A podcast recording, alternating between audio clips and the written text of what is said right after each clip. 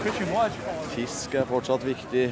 Ja, I Bergen. Ja, fisk er viktig. Nå eh, er jo fisketorget blitt noe for uh, turister. Eh, Det er vel knapt bergensere som går her.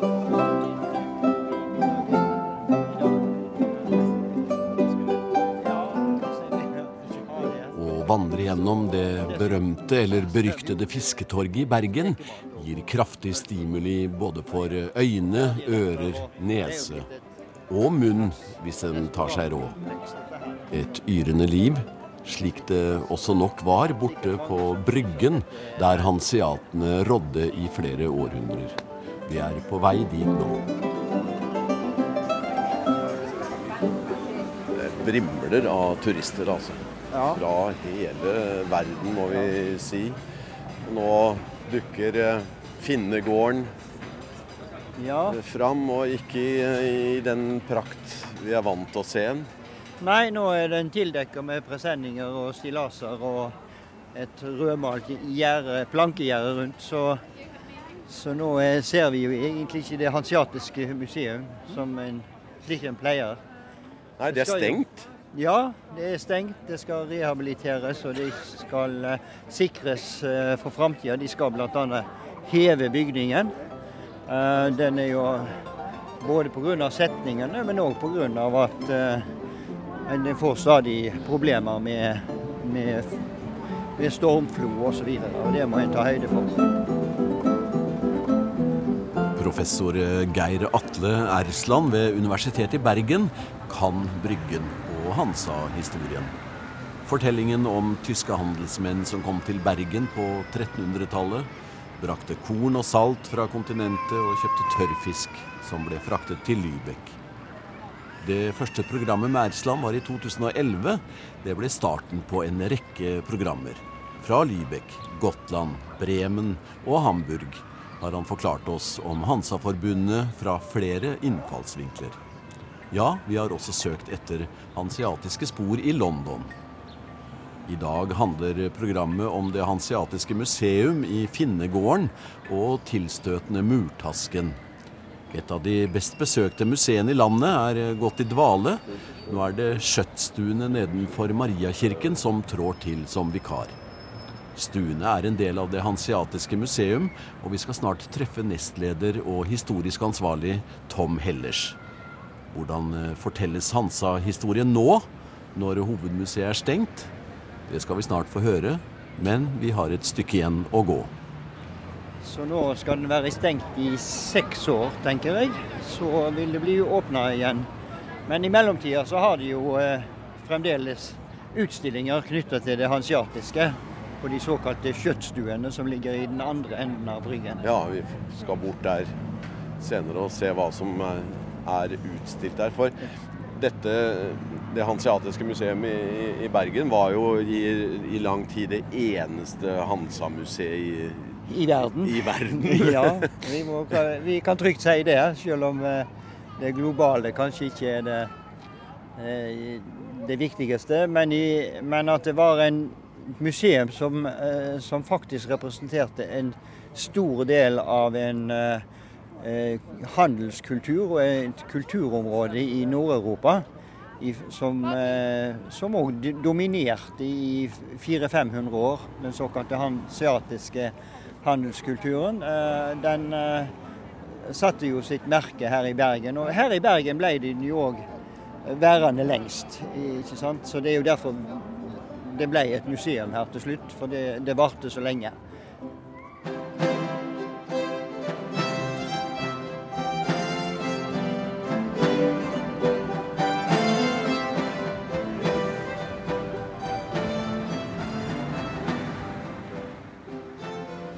På hanseatisk grunn nå? Hansiaterne kom jo aldri til å eie grunnen, men de eide husa. Men her var eh, Dette en del av det som var Bryggen eh, i, eh, fram til midten av 1600-tallet. Så gikk jo bryggegårdene enda lenger sør enn i dag. Men nå i dag så er det jo Finnegården som er den sørligste, altså det hansiatiske museet. Det er jo interessant med det hansiatiske museum i den forstand at det er så utypisk norsk eh, museum. Eh, det kobler seg jo ikke til den nasjonale kulturhistoriske forståelsen. Det kobler seg til en europeisk kulturhistorisk eh, fortolking. Så eh, dermed så blir eh, Hanseatisk museum òg eh, veldig interessant i den forstand at her er et museum som, som eh, representerer kultur, den alminnelige kulturelle og økonomiske kontakten med omverdenen i eh, middelalderen og til langt opp mot 1700-tallet. Hvilken impuls ga dette til Norge, blir det feil å si? Grensene har flytta seg og alt, men ja. for oss? Ja, altså jeg, jeg, vil jo si at uh, dette, dette var jo et kommersielt sentrum. Slik at det representerte jo i lange perioder kanskje hovedtyngden av norsk eh, eksport, eh, importhandel. Det vil vi kalle for utenriksøkonomien i dag. Og med den så fulgte jo språk, kulturutveksling, kunnskaper om Europa, europeiske sjekker, matretter etc. etc. Eh, og ikke minst de religiøse impulsene var sterke. Det er jo det vi ser bl.a. i den store hansiatiske kirken, som var eh, Mariakirken. Som jo er full av eh, kunst importert fra, av hansiatene fra Nord-Europa, særlig da fra de tyske byene.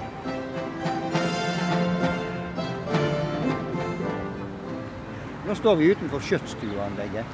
Kjøttstuene er egentlig en samling av de gamle forsamlingslokalene som det var i alle gårdene i, på Bryggen. Disse lange husrekkene hadde en, i bakkant en kjøttstue. og Der foregikk særlig i vinterhalvåret felles bespisning. Eh, der var det lys og varme, som ellers var forbudt nede i gårdene. Så der møttes alle gårdsbøndene med sine, som forvalterne, stueforvalterne kalte seg, sammen med sine geseller og sine læregutter i Jungen, eh, om, til kveldssete. Så der var det gemytlig. Disse kjøttstuene var jo noe av det første som forfalt i, på Bryggen eh, på sine opprinnelige plasser. fordi at eh, når de kommer ut på tidlig på 1800-tallet, så er ikke de i bruk lenger. Det er ingen som bor på Bryggen lenger. De har flytta ut, de bor på Øvregaten eller andre plasser i byen.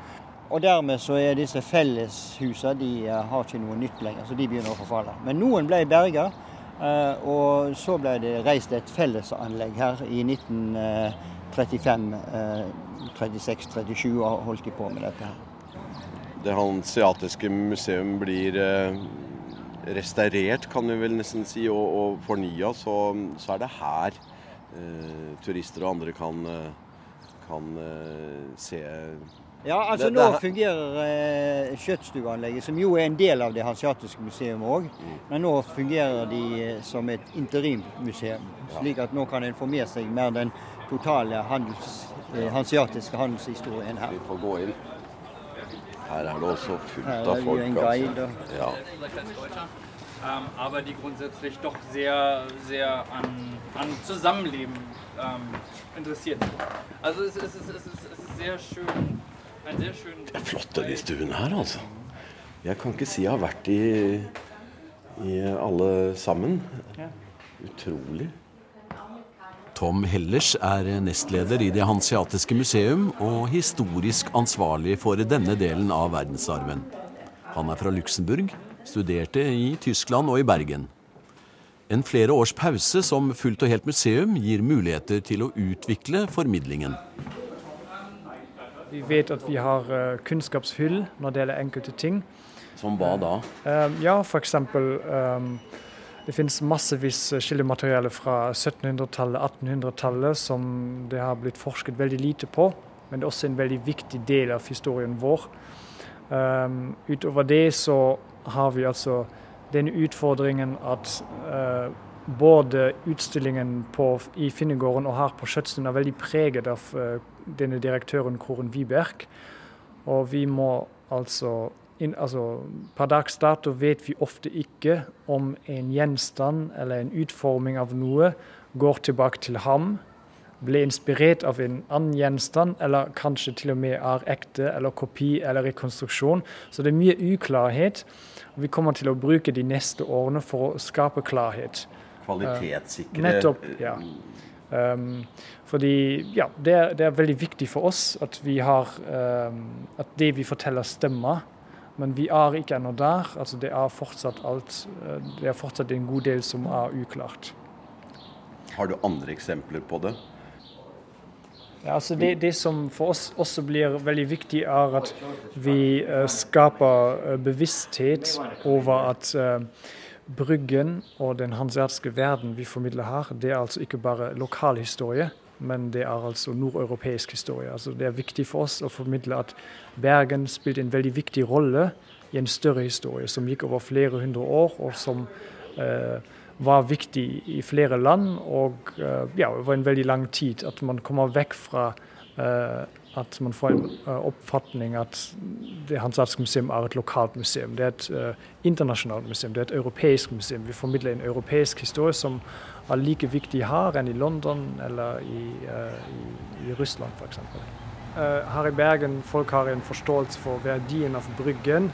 De vet litt om hanseatene, men at hanseatene dominerte handelen her i i, i, mer enn halvparten av Bergen bys historie. Det er de fleste ikke bevisst over. Og dette også førte til at Bergen vokste så sterkt og ble en veldig viktig handelsby, det tror jeg har mange ikke altså en bevissthet om.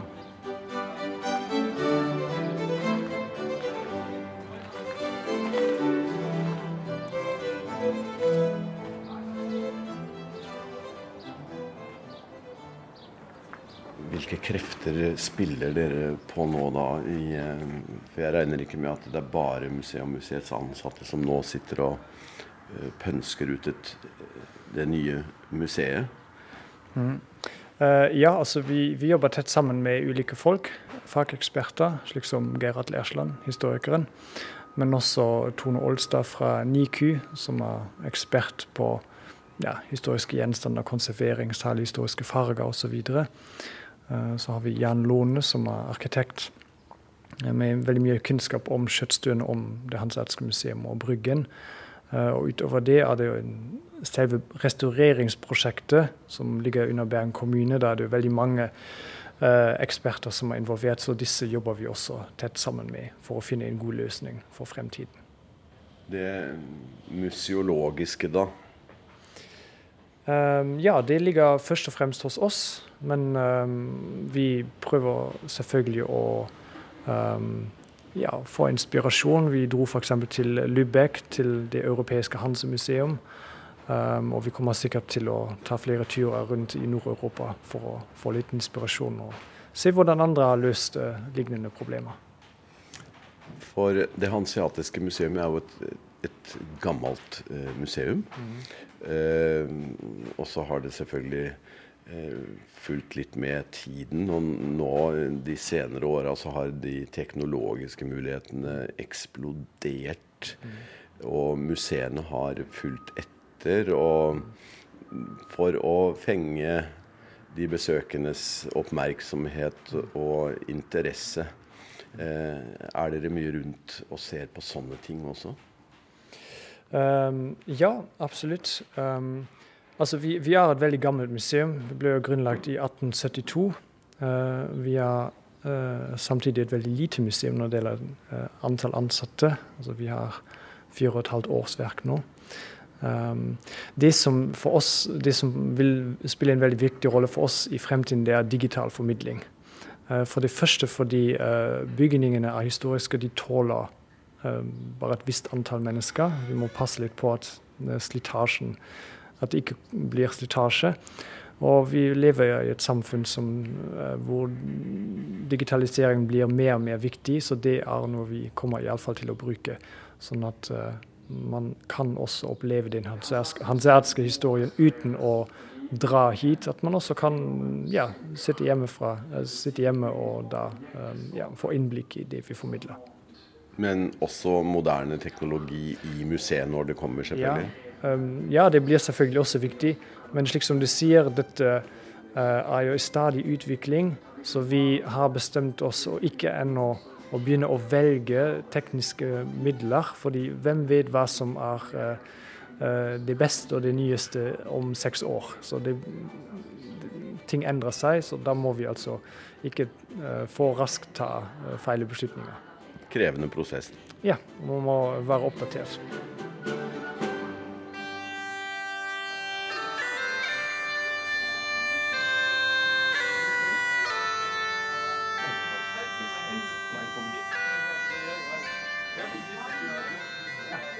Flere år fremover vil skjøttstuene rett nedenfor Mariakirken være det hansiatiske museums ansikt utad. Her vil det dukke opp ulike utstillinger, kanskje som en test på nye måter å formidle historien på til moderne mennesker. Eh, nå, befinner vi oss altså i den rekonstruerte stuen. Jakobsfjorden og Belgården skjøttstue heter den. Eh, denne stuen ble altså rekonstruert av eh, museets første direktør eh, på 1930-tallet. Han ønsket å bygge opp en skjøttstue som skulle vise hvordan en slik skjøttstue så ut før den store bybrannen i 1702. Og Denne gangen brant alt ned, så vi vet ikke hvordan en slik skjøttstue virkelig så ut. Så dette rommet er altså eh, ja, en rekonstruksjon som også innebærer en god del fantasi, hvordan han tenkte seg en slik skjøttstue. Men det var der, det var der hanseatene eh, og, og, folk samla seg og kunne få varme og Nettopp. mat og ja, altså, en kneipe, nærmest. ja, så Det var hovedfunksjonen til skjøttstuene, at man kunne eh, oppvarme seg om vinteren. Fordi ild var ikke lov på de bygningene hvor de bodde. Eh, og spise varme måltider. Så det var altså det viktigste som skjedde på en kjøttstue. Et felles rom. Ja. Eh, de lappene som henger her nå, hva, nå har ikke jeg vært og sett på de, men hva, hva er det? Ja, altså de lappene her de skal altså eh, visualisere det store nettverket eh, som Erten hadde. Eh, fordi Hans historie det er ikke bare eh, Bergens historie, det er historie som gjelder hele Nord-Europa. Eh, disse kjøpmennene de hadde altså et stort nettverk som strakk seg fra England til Russland, fra ja, Tyskland til Bergen. Og eh, ved å henge opp disse lappene har vi altså prøvd å visualisere dette. Og eh, i vårt nettverk som vi viser her, henger det altså ulike ting og begrep som kan knyttes til dette nettverket. Gå bort og se litt på noen av dem, hva det står der. da. Ja, da har vi, ja, da har vi f.eks. en lapp hvor det står 'Kampen'. Det er en nederlandsk eh, by som var en Hansa-by. Um, og den spilte denne gangen en ganske viktig rolle. Den har jeg aldri hørt om. Ja, Det er en liten by i dag. Jeg tror 25 000 innbyggere eller sånn, men denne gangen var det en viktig by. Um, og så har vi også trevirke, så det her. Det vil si at det var altså en av de viktige varene som ble handlet uh, i Hansa-forbundet. Eh, men vi har altså ikke bare eh, byer og varer, men vi prøver også å gi litt et innblikk hvordan dette nettverket fungerte. Det vil si at uh, nettverket fungerte ved at de kommuniserte via brev. Um, altså I dag bruker vi e-poster eller telefon, og denne gang var det altså brev. Uh, og så viser vi litt utfordringen de hadde denne gangen. F.eks. at eh, de klaget at det var umulig å skaffe seg eh, god eh, skrivepapir for disse brevene, eller de gikk tom for blekk og andre problemer. De andre utfordringene man hadde, f.eks. skipsforlis, pirater, varene ble dårlige osv. Altså de daglige problemene de hadde denne gangen. Det er jo effektfullt. Da. Det er jo liksom ja. et nettverk i, som henger i lufta. Ja. Altså Vi prøvde å lage noe enkelt, men som likevel fungerer. Og vi ser det fungerer. Altså Folk er her, de går gjennom nettverket, de leser. Og det som vi også prøver, er altså å skape en bevissthet at uh, et nettverk er noe universelt. Denne gangen hadde kjøpmenn et nettverk, men vi i dag som moderne mennesker har også et nettverk. Vi har 500 Facebook-venner osv. Vi må og det gjelder De samme verdiene gjelder fortsatt. Du må kunne stole på ditt nettverk. Det er viktig å være ærlig. Er du ikke ærlig, så blir du ekskludert av nettverket. Det gjelder både i dag, men særlig også denne gangen. Kunne du ikke betale uh, for dine varer, så blir du også ekskludert av nettverket. Så du var avhengig av selve nettverket.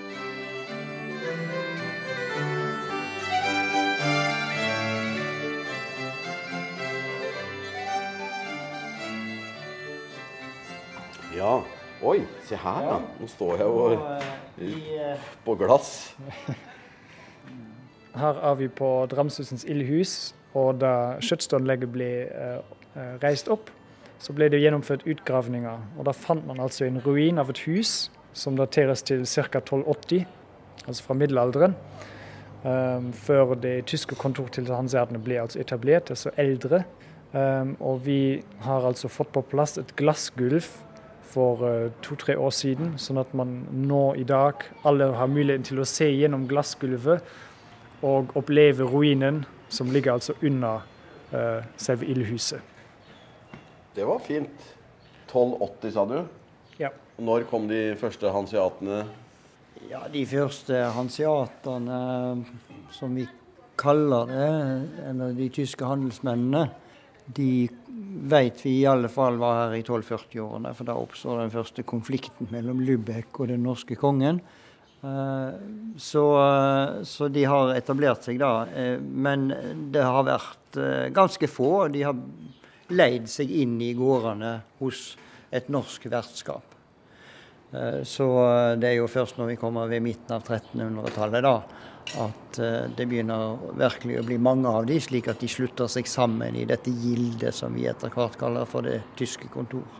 Du ser kanskje en tredjedel av bygningen. Um, den går altså i denne retningen der, ja. så det er litt større. Ja. Uh, vi vet ikke hvem som bodde der. Eh, men vi antar at det var altså et privat hus eh, bygget i stein. Det var ganske sjelden denne gangen. Ja. Solid også? Ja. Uh, kanskje i to etasjer, altså et etasje i tre på toppen. Uh, og siden det var så få som hadde råd til å bygge hus i stein, regner vi med at det var en som hadde god råd, kanskje fra kirken. Det var mange kirker rundt her i nærheten, så kanskje en prest, men vi vet faktisk ikke. Ja, jeg vil jo nesten tro at vi skulle sette det i sammenheng med, med gårdene nedover.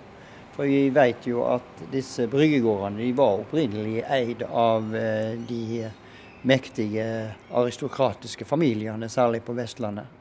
Og de beholder jo eiendomsretten til grunnen gjennom hele middelalderen. sånn at hansiatene må jo betale grunnleie eller en bykselavgift for å bruke tomtene her. Så det kan vi finne ut av. Eh, og da kunne vi tenke oss at eh, dette er bygd av en, av en mektig lokal aristokrat, eller adelsmann, som vi ville kalle det i dag. da. Og at det har vært en del av hans gården som har vært hans eh, hus i, i, Bergen, da, mens han kanskje til vanligvis oppholdt seg på godset sitt på, på landsbygda, for å si det sånn. Så var det viktig å være i byen. Der var kongen ofte. Da måtte de jo være der. Det interessante med denne her eh, kjelleren, eh, som vi ikke har fått gjort noe, noe med ennå, men som jeg bl.a. har diskutert med, med eh, den arkeologiske ansvarlige her i Bergen, og det er at vi kan jo tenke oss at det har vært ei gate i bakgrunnen her med ganske Eh, mange steinhus. Vi kjenner eh, det som vi kaller for Lavranskirken og Maria Gildeskåle, som ligger på denne sida. Og så har vi da Det var et prestehus i, i, i stein her, og, og, som hørte til Mariakirken på oppsida. Så kanskje det har gått ei gate her som har vært kanskje den flotteste, rikeste gatestubben i Bergen i middelalderen. Men så det er litt spesielt her at eh, vi finner eh, rester av disse steinhusene fra 1200-tallet. Det som jeg også liker veldig godt her, er at du, du kan også se ned i de historiske lagene. Altså, du befinner deg virkelig på et sted som forteller en kontinuerlig historie fra uh, ja, 1200-tallet til i dag. Til tross for at uh, det ildhuset og kjøttstuen som man har på bygget her, ble flyttet hit, er det likevel et historisk sted, et historisk område Uh, og det er veldig flott at man kan altså ja, ja bokstavelig talt se ned i de historiske lagene her og få en forståelse for den lange historien som ligger her. Det stuene her, altså. Jeg kan ikke si jeg har vært i, i alle sammen. Ja. Dette er jo interessant fordi at de andre er jo Koren Wibergs fortolkning av hansiaterne er litt sånn brunt, mørkt. Minner om en eh, kn tysk kneipe og øl. Men denne er jo da Her har en jo tatt fram de opprinnelige fargene. Eh, og det er jo Tone Olstad som var med bl.a. på det prosjektet. Og plutselig så blir det fargesterkt og kraftig, og du får tanker Var hanseaterne kanskje litt glade i farger og, og, og, og lys og, litt glitter og litt bling? Og ikke sånne dystre menn med skjegg som satt i mørke ølstover. Så det er jo interessant å betrakte den forskjellige historiefortolkninger du kan legge inn i bygningene. Det var et friskt rom. Ja, absolutt. Og folk som kommer inn hit, de er jo da også eh, ganske overrasket. Eh, fordi de vanligvis besøkte først de andre tre stuene, og så kommer du inn hit, og så altså disse sterke, denne sterke røde fargen den gjør altså inntrykk. Mm. Og du begynner å lure på men hvorfor ser den så annerledes ut. Jo, men den ser annerledes ut fordi den viser hvordan en kjøttstøv virkelig en gang så ut.